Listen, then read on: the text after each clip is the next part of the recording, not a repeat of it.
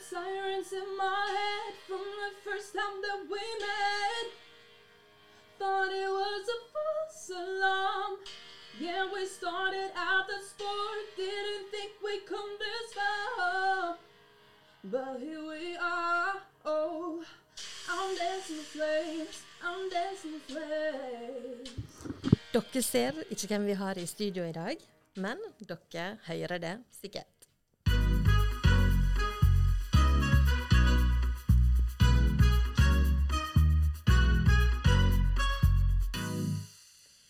Velkommen i studio, Andrea Santiago. Tusen takk. Du, dette var jo den sangen som starta egentlig ditt, din karriere utafor heimplassen, Mm. med blind edition på The Voice. Mm. Hvordan var det å stå der liksom, med disse fire stolene med kjente artister i med ryggen til deg? Um, skal jeg være ærlig, så føler jeg nesten at jeg blekka ut der og da. Det er sånn, Jeg husker liksom ikke så veldig masse av det, fordi at jeg var, så, jeg var såpass i min egen boble, i min egen sone, at jeg bare koblet helt ut av eh, verden utenfor. Jeg var så fokusert, um, og jeg har aldri kjent på en slik nervøsitet og et slikt fokus før. Uh, så um, det er liksom sånn man, man glemmer veldig masse. Uh, men uh, selvfølgelig husker jo jeg at jeg husker jo selvfølgelig at de snudde seg, og applausen og altså Bare det at alle snudde seg, var jo bare helt sjukt. Jeg Ja, hadde ikke så veldig masse forventninger Nei. til hva som skulle skje. Jeg var bare sånn OK, vi får se hva som skjer, og hvis én snur seg, så er det kjempegøy. Ja, liksom. og ikke bare snudde de seg, så du sa, de røyste seg med applaus hele gjengen òg. Mm. Ja. Og du var bare 17 år. Eh, Hva skjedde? seks- 16? Ja. Du var Eller jeg var egentlig 15. Var du men- 15? Ja. Um, Hvorfor tenkte jeg at du var 17? Uh, nei, det vet ikke jeg. jeg var altså jeg, var, jeg skulle fylle 16, okay. men det ble jo spilt inn på forhånd. Så Ja. Jeg det- tenker 2017, var ikke det det? Er der jeg ble ansatt. Ja, Ja, du var i 2017 det Ja. var. Ja. Ja, jeg, jeg fylte 16 det året, men Ja, når det ble spilt inn, så var jeg faktisk 15 år. Oi. Ja, det er veldig ungt. Hvordan, hvordan liksom har livet ditt endra seg etter den uh, auditionen og det, det programmet? Um, vel, altså Det har jo definitivt blitt mer spillejobber. Um, det var jo det som var den største forskjellen. Um, jeg har jo, alt, jeg har jo opptredd uan, altså, uansett hatt opptredener før The Voice, men ikke så store. Og som regel ganske lokalt. Men så ble det plutselig utafor heimplassen, og eh, på både privat arrangement og offentlige eh, og festivaler osv. Så, videre. så jeg tror det var det som var den største forskjellen, i tillegg til at jeg ble nominert til ting som Lutprisen. Jeg ble nominert som årets artist og um, årets nykommer osv. Så, um, så det var nok det som var det største spranget for meg. Ja, og så ble du jo med i et nytt musikk, en ny musikkonkurranse òg. Ja. ja, selvfølgelig. Det er jo liksom Det lager jo Det er jo en bra liksom, plattform hvis du har lyst til også å satse og har lyst til å på en måte ja, vise deg fram, da. Så Mm. selvfølgelig anbefaler jeg på det sterkeste. Og hvis du tviler, litt usikker, men du har egentlig lyst, så ville jeg bare sagt at du burde bare gå for det. For det, at det er en utrolig gøy opplevelse, og det kan gi deg en ganske fin måte, en fin plattform for å komme deg ut i eh, bransjen, da, og det også kunne da få spillejobber og opptre. Um, men ja, det var jo på en måte det som òg gjorde at jeg, at flere hva det heter, oppdaget meg, da. Så Mm. jeg ble jo kontakta um, av NRK, uh, der de spurte om jeg ville være med på Scenekamp. For det er jo ikke noe man melder seg på. Det er jo Nei. folk som spør om du vil være med. Mm. Så da har du på en måte gjort et inntrykk, og du på en måte har begynt å skape ditt navn. Ja, og så var jo det òg da flere uh, studio- og plateselskaper så- og produsenter osv. som kontaktet meg òg. Mm. Fordi de hadde sett meg på The Voice. Det var som regel det de sa. at 'Hei, jeg har sett deg på The Voice', og så videre. Vi har lyst til å jobbe med deg. Så, Ja. ja. Men du var 15 år. Men du sa du hadde gjort ting tidligere lokalt. Altså, tid oppdaga du at du var liksom over gjennomsnittet interessert i musikk? Mm, det har startet jo ganske tidlig. Jeg vil si det startet før The Voice, men um, Og det er jo på grunn av at jeg hadde, har Jeg er vokst opp i en ganske musikalsk familie, og bestefaren min var jo spesielt en stor inspirasjonskilde for, for meg, da. Um, både som artist og bare det å drive med musikk. Han var jo pianolæreren min i mange år, og dirigent når jeg var med i korps osv. Så, um, så det har alltid vært en stor interesse, i hvert fall siden jeg var seks år, seks-sju år. Um, men selvfølgelig The Voice var jo òg det som bidro med at jeg tenkte OK, dette her har jeg lyst til å prøve å satse på, liksom. Så, um, og det var det som gjorde at jeg hadde lyst til å flytte til Oslo. Så det var liksom litt forskjellige grunner. Og bestefaren din, som da heter For alle måler jo om, og området rundt kjenner jo til han, Mm. eh, Louis Santiago. Eh, hvordan var det å vokse opp med han som så profilert og så musikkglad bestefar? Eh, Det var som et sirkus, men det var på en veldig positiv måte. Det var, jeg følte det var et show hele tida når jeg var med han. Eh, han hadde så utrolig masse energi og var så positiv og full av glede.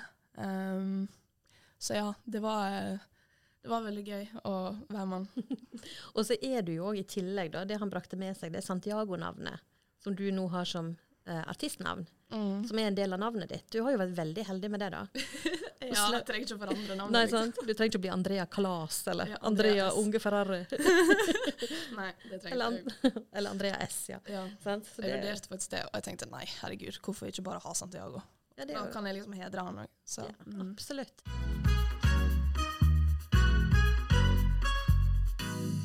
Men du, jeg er litt interessert i musikksmaken din, da. ja. Så nå skal jeg teste deg litt. ja. Er du med på det? OK. Ja. Jeg har plukka ut noen uh, grupper artister litt sånn fra forskjellige tiår. Mhm. Og istedenfor å si sangen, så sier jeg bare gruppeartisten. Og når jeg sier den, så skal du synge den sangen du kommer på. OK. Og bare noen linjer av den. Okay. Ok, Er du klar? Ja. Vi begynner med ABBA. Oh my god. I can still recall all summer. I still see it all. Veldig bra. Ett poeng. der. Irene Cara. Irene Cara. Uh, hun som synger uh, Å, oh, gud. Ja, oi. Um, first when there's nothing but a slow glowing dream. Veldig bra. Queen.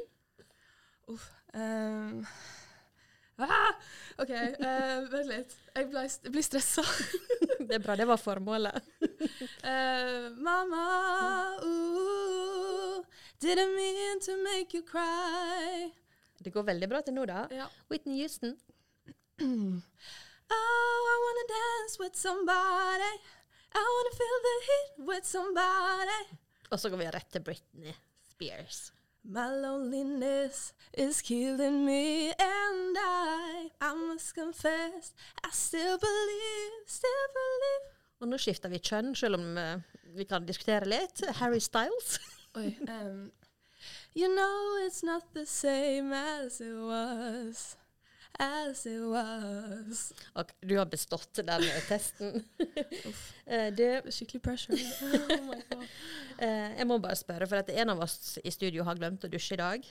Lita kvise på haka. Og du ser alltid så fresh og flott ut, og alltid steila. Du.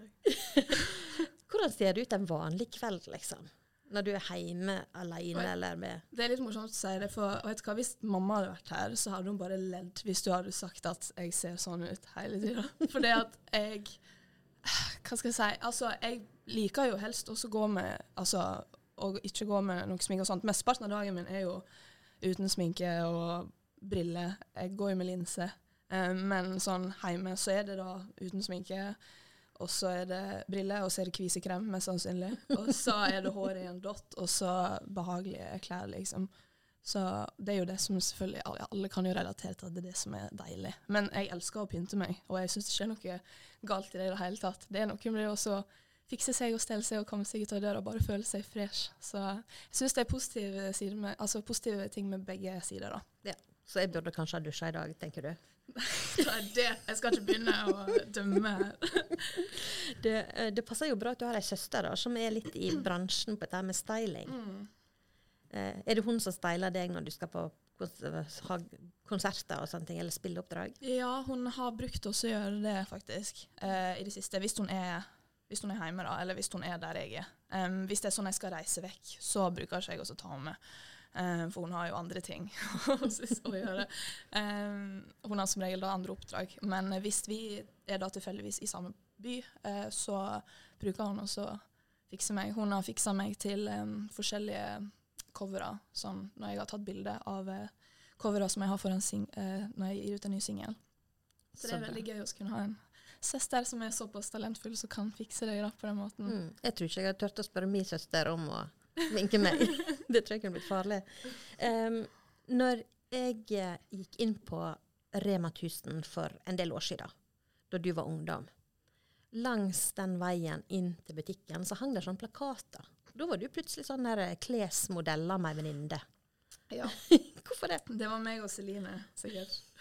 Um, det var egentlig bare fordi at uh, mamma har alltid Hun har alltid foretrekt at uh, når hun legger ut bilder av klærne hun selger og sånt på Beyonce, så har hun, liker hun helst at det er ekte modeller som er der. Um, og det har jo vi merker òg, at det er, folk liker mye mer at det, det ser mye mer realistisk ut. Og folk liker mest at folk, man ser klærne på en person. Og da har hun bare brukt meg og uh, Celine òg, um, av og til, uh, til å ta bilder av oss. Egentlig bare fordi at uh, hun syns det er gøy. Det har ikke vært noe mer bak det. Altså, syns det er gøy, og at det er en gøy måte å få fram klærne på. Og folk liker det òg. Og vi har jo plakater ute på Måløy brygge, og da har de hengt dem opp der. Men, har, men, jeg har ikke visst det på forhånd, da. Før plutselig gikk jeg liksom gjennom gangen, og så har jeg sett at det er bilde av meg.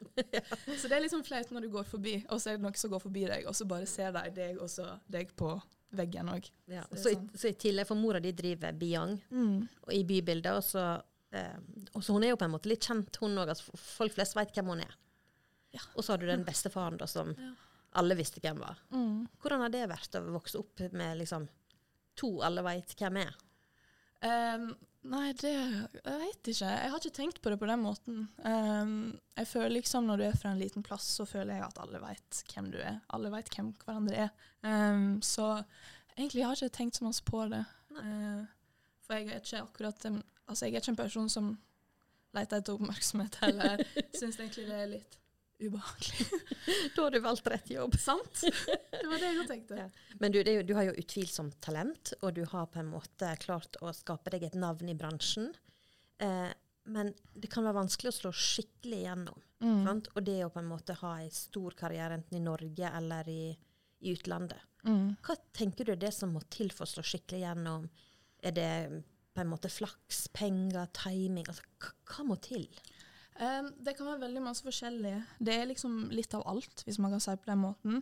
Um, og det som kan være litt kjipt med det, er jo at uh, Og det høres veldig ulogisk ut, men at talentet er ikke på toppen av lista, kanskje, nødvendigvis, i enkelte tilfeller. Um, og nettopp fordi at du kan ha et talent, men hvis du ikke har nettverket, hvem hører det da? Så det er liksom det at hvis du først har talentet, så må du passe på at noen Du må forsikre deg om at folk i hvert fall får høre det. Så ja, nettverk har veldig masse å si, og det er jo derfor det er om å gjøre også ja, eh, knytte kontakter. Eh, du må selge deg sjøl uansett. Du må selge deg inn hele tida. Hvis ikke så blir det veldig vanskelig. Eh. Folk må jo nesten høre hva du har å by på. Og det er noe kanskje jeg har hatt litt problemer med, for det at jeg har vært før veldig dårlig å selge meg inn, for jeg syns det kan være litt flaut. Men det er sånn man bare må lære seg. Og man må være såpass sjølsikker nok til at man gjør det for en grunn, liksom. Man vil jo gjøre det fordi at man elsker det, og da vil jo man at folk skal høre det òg, sånn at det kan komme noe ut av det. Um, så det er, kan være ganske vanskelig. Det blir liksom, Du er jo et produkt, og du må selge det produktet. Ja. Ja. Men er det sånn at i de, i de årene du har drevet på nå, er det det som har vært det vanskeligste, eller har det vært andre ting du syns har vært tøft i bransjen? Um, det har jo vært det, blant annet. Og det å selge seg Altså det at du må være aktiv på sosiale medier hele tida. Du blir jo nesten som det, Du må nesten være en influenser nesten til at, det, jeg føler, altså, til at det skal til for at folk følger med på det. Du må holde det gående hele tida. Og det er jo noe jeg av og til har datt litt ut av. og sånt, at det kan være veldig sånn ork. Eh, for du vil ikke være en influenser, du er en artist. liksom. Det er det jeg har lyst til. Men det er jo sånn det er nå i dag. Um, så det er jo det, da. Men musikkbransjen kan jo ha negative sider òg. Um, det kan være masse utnyttelse i musikkbransjen. Du kan bli jeg vet ikke om det er lov å si det ordet her, men du kan bli rævkjørt, da, for å si det rett ut. Eh, og det har jeg opplevd før. Mm. Men um, og da mener du lurt, eller, sant? Ja, du altså, du, bli eller bli med på ting du ikke har lyst til i, Det er innenfor akkurat det. bransjen. Og Mm. du blir utnytta. Du blir kanskje ikke behandla med respekt. Folk tenker mer på seg sjøl enn du, um, for de ser på deg som sagt som et produkt. Og Mm. det gjør deg sterkere, definitivt. Um, og jeg tror alle i musikkbransjen hadde kommet til å gått gjennom noen slags humper en eller annen gang i løpet av sin karriere. Mm. Og jeg tenker sånn, det gjør deg sterkere, og du får en stor utvikling i det. Um, så, men selvfølgelig er det masse det er jo utrolig masse positive ting i musikkbransjen òg, men det er liksom, du må, du må være sterk, liksom. Du må Ja. bare stå på ditt. Jeg så når du prata om dette med etter The Voice, hva det har vært med disse musikkjobbene og spillejobbene, så så jeg det på fjeset ditt at eh, det har vært på en måte medvind og gøye ting òg. Så jeg Mm. ser jo den. Absolutt. Men er du noen gang redd for å ikke liksom få dette store gjennombruddet og leve av musikken? Altså, det er jo selvfølgelig noe jeg hadde elska å gjøre, og det er jo noe jeg alltid Ja, altså, det er jo noe jeg alltid har hatt lyst til, men samtidig så ehm, føler jeg at kanskje ikke Det er ikke så enkelt. Altså, å, få, å ha musikken min som et levebrød, det vet ikke jeg om jeg kommer til å være mulig. For det har jo litt dette med flaks å gjøre, og, og nettverket, og om det slår an på list, disse listene og disse topplistene osv. Men samtidig så er det sånn det jeg er veldig fornøyd med å ha det som en sidejobb og ha det som en hobby, for det dekker likevel en stor del av hverdagen min. Um, og jeg syns Altså, jeg, jeg, jeg syns òg det er veldig gøy å studere, som bare på universitetet, og være en student, liksom. Og jeg syns det å ha en utdanning og ha et yr holdt på å si vanlig yrke, liksom. Mm. Jeg syns det òg er interessant. Så det er ikke sånn at jeg syns ikke det er kjipt å måtte være deltidsartist og fulltidsstudent heller. Så Hva er det du studerer?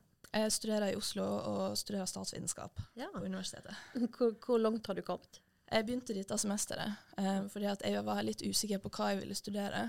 Så jeg tok litt årsstudium her og der. Så jeg tok årsstudium i spansk, og så tok jeg årsstudium i juss. Um, for det var liksom for å finne ut hva jeg ville, i tillegg til å samle inn litt studiepoeng. Um, og så tok jeg jo egentlig spansk fordi at det var på lista mi. Jeg følte jeg måtte nesten gjøre det. Bare for å få det litt mer på plass. Santiago? ja. um, og så til slutt så endte jeg opp med det, da. Og Ja. så langt så trives det veldig godt. Men hva er da det kjekkeste med denne musikkdelen av livet ditt? Det kjekkeste må være når jeg har Altså når vi holder på å lage sanger med Når jeg lager sanger med um, produsentene og låtskriverne jeg jobber med, som jeg har jobba med de siste fem-seks åra. Um, ja, det å skrive låter sammen. Og jeg syns bare det er veldig kjekt. Det er sånne ting jeg gleder meg til veldig. Og selvfølgelig også spille for andre og opptre. Em, det gir meg veldig masse energi. Og det gir meg en annen måte å kunne formidle mine følelser på um, gjennom musikken. da. Og hvordan er livet ditt i, i Oslo? Altså, hva er en vanlig dag for deg der? Um, en vanlig dag det er at jeg står opp og uh, spiser frokost og drikker kaffe. Og så uh, gjør meg klar til skolen, og er på skolen. Og etter det så drar jeg hjem, og så trener jeg kanskje. eh, og, em, og så ja, gjør mine daglige plikter. Altså øve. Jeg øver hver dag. Um, og så ja, catche opp med kanskje mailer og sånn som har med da musikk å gjøre, med de jeg jobber med. Um, og så bare slappe av med søstera mi. Hvor, hvor øver du? Er det hjemme i leiligheten? Ja, jeg gjør det. Foran speilet? Nei, det, det liker ikke jeg helt. Nei, jeg gjør det på rommet mitt. Det er lydtett, heldigvis. Er det det? Ja, jeg, er- for jeg blir, jeg blir egentlig litt stressa når jeg øver, for jeg er så redd for at folk hører meg. Men vi har sånn gipsvegger, og jeg, jeg hørte at det var lydtett. Ja. Så det det er bra. Da er- får jeg litt dårlig samvittighet for deg. Uh, put you through. Ja, det går bra. Har du noe, Er det andre fra liksom, som du gikk i klasse med, eller som du var venn med her, som bor i Oslo, la med deg nå? Eh, ja. Em, det er Kjersti Tennebø. Hun eh, bor i Oslo. Em, men ja, hun er den eneste som bor i Oslo, da. Men så har vi Amila. Hun bor på Ås, da. Så det er jo ikke i Oslo, men det er litt utafor. Mm. Eh, og så er det en som heter Dean. Em, men hun bor i Halden, da. Men det er liksom de som bor nærmest meg. Em, så eh, ja, det er veldig deilig å kjenne på at du har venner i nærheten. Så de tre gikk jeg i klasse med så lenge jeg kan huske. Um, og de bruker også, de som bor litt utenfor Oslo, bruker av og til å komme til Oslo eh, noen helger, og så har vi det gøy sammen. For de fleste vennene mine dro ut til Bergen og studerte. Eh, men jeg var jo fast, altså jeg var fast bestemt på at jeg skulle til Oslo uansett. Jeg tror jeg bestemte meg sånn rett etter The Voice. For jeg bodde jo i The Voice Nei, jeg bodde i The Voice, faktisk. Det gjorde jeg òg. Jeg bodde i Oslo åtte uker, tror jeg. Eh, I Oslo da, som 15-16-åring. I et hotell. På Frogn, på, eh, nei, ikke Frogn, på Fornebu. Um, og ja, der, der, der var jeg åtte uker i strekk, da, egentlig. Og, eh, men det gjorde òg at jeg fikk et annet syn på Oslo, og jeg tenkte sånn herregud, her skal jeg bo, liksom, og studere. Så ja. Ja. Men da kommer vi til det obligatoriske synet på heimplassen. Hva tanker og følelser har du knytta til Måløy? Um, terapisted. 100 um, jeg, kom, jeg kommer jo alltid til å være glad i målet uansett. Um, og jeg syns det er en vel, altså Når du bor i hovedstaden og bor midt i Majorstukrysset, så blir det Det kan jo bli litt overveldende med tanke på at det er jo mye mer støy der. Og jeg elsker det, men det er jo selvfølgelig deilig å kunne komme til en plass der du vet at det er rolig. Um, ja, det, det, er en fin måte å slappe av på og bare koble ut. Og det trengs når du har det livet du har, der du deler deg på studier og musikk. Mm. Du, Andrea, tusen takk for at du kom. Jeg håper du får et veldig flott år, og at du får masse fine spilljobber. Gleder vi. vi gleder oss til å følge deg videre, for det har vært veldig kjekt. Tusen takk for at jeg fikk komme. Vær så god.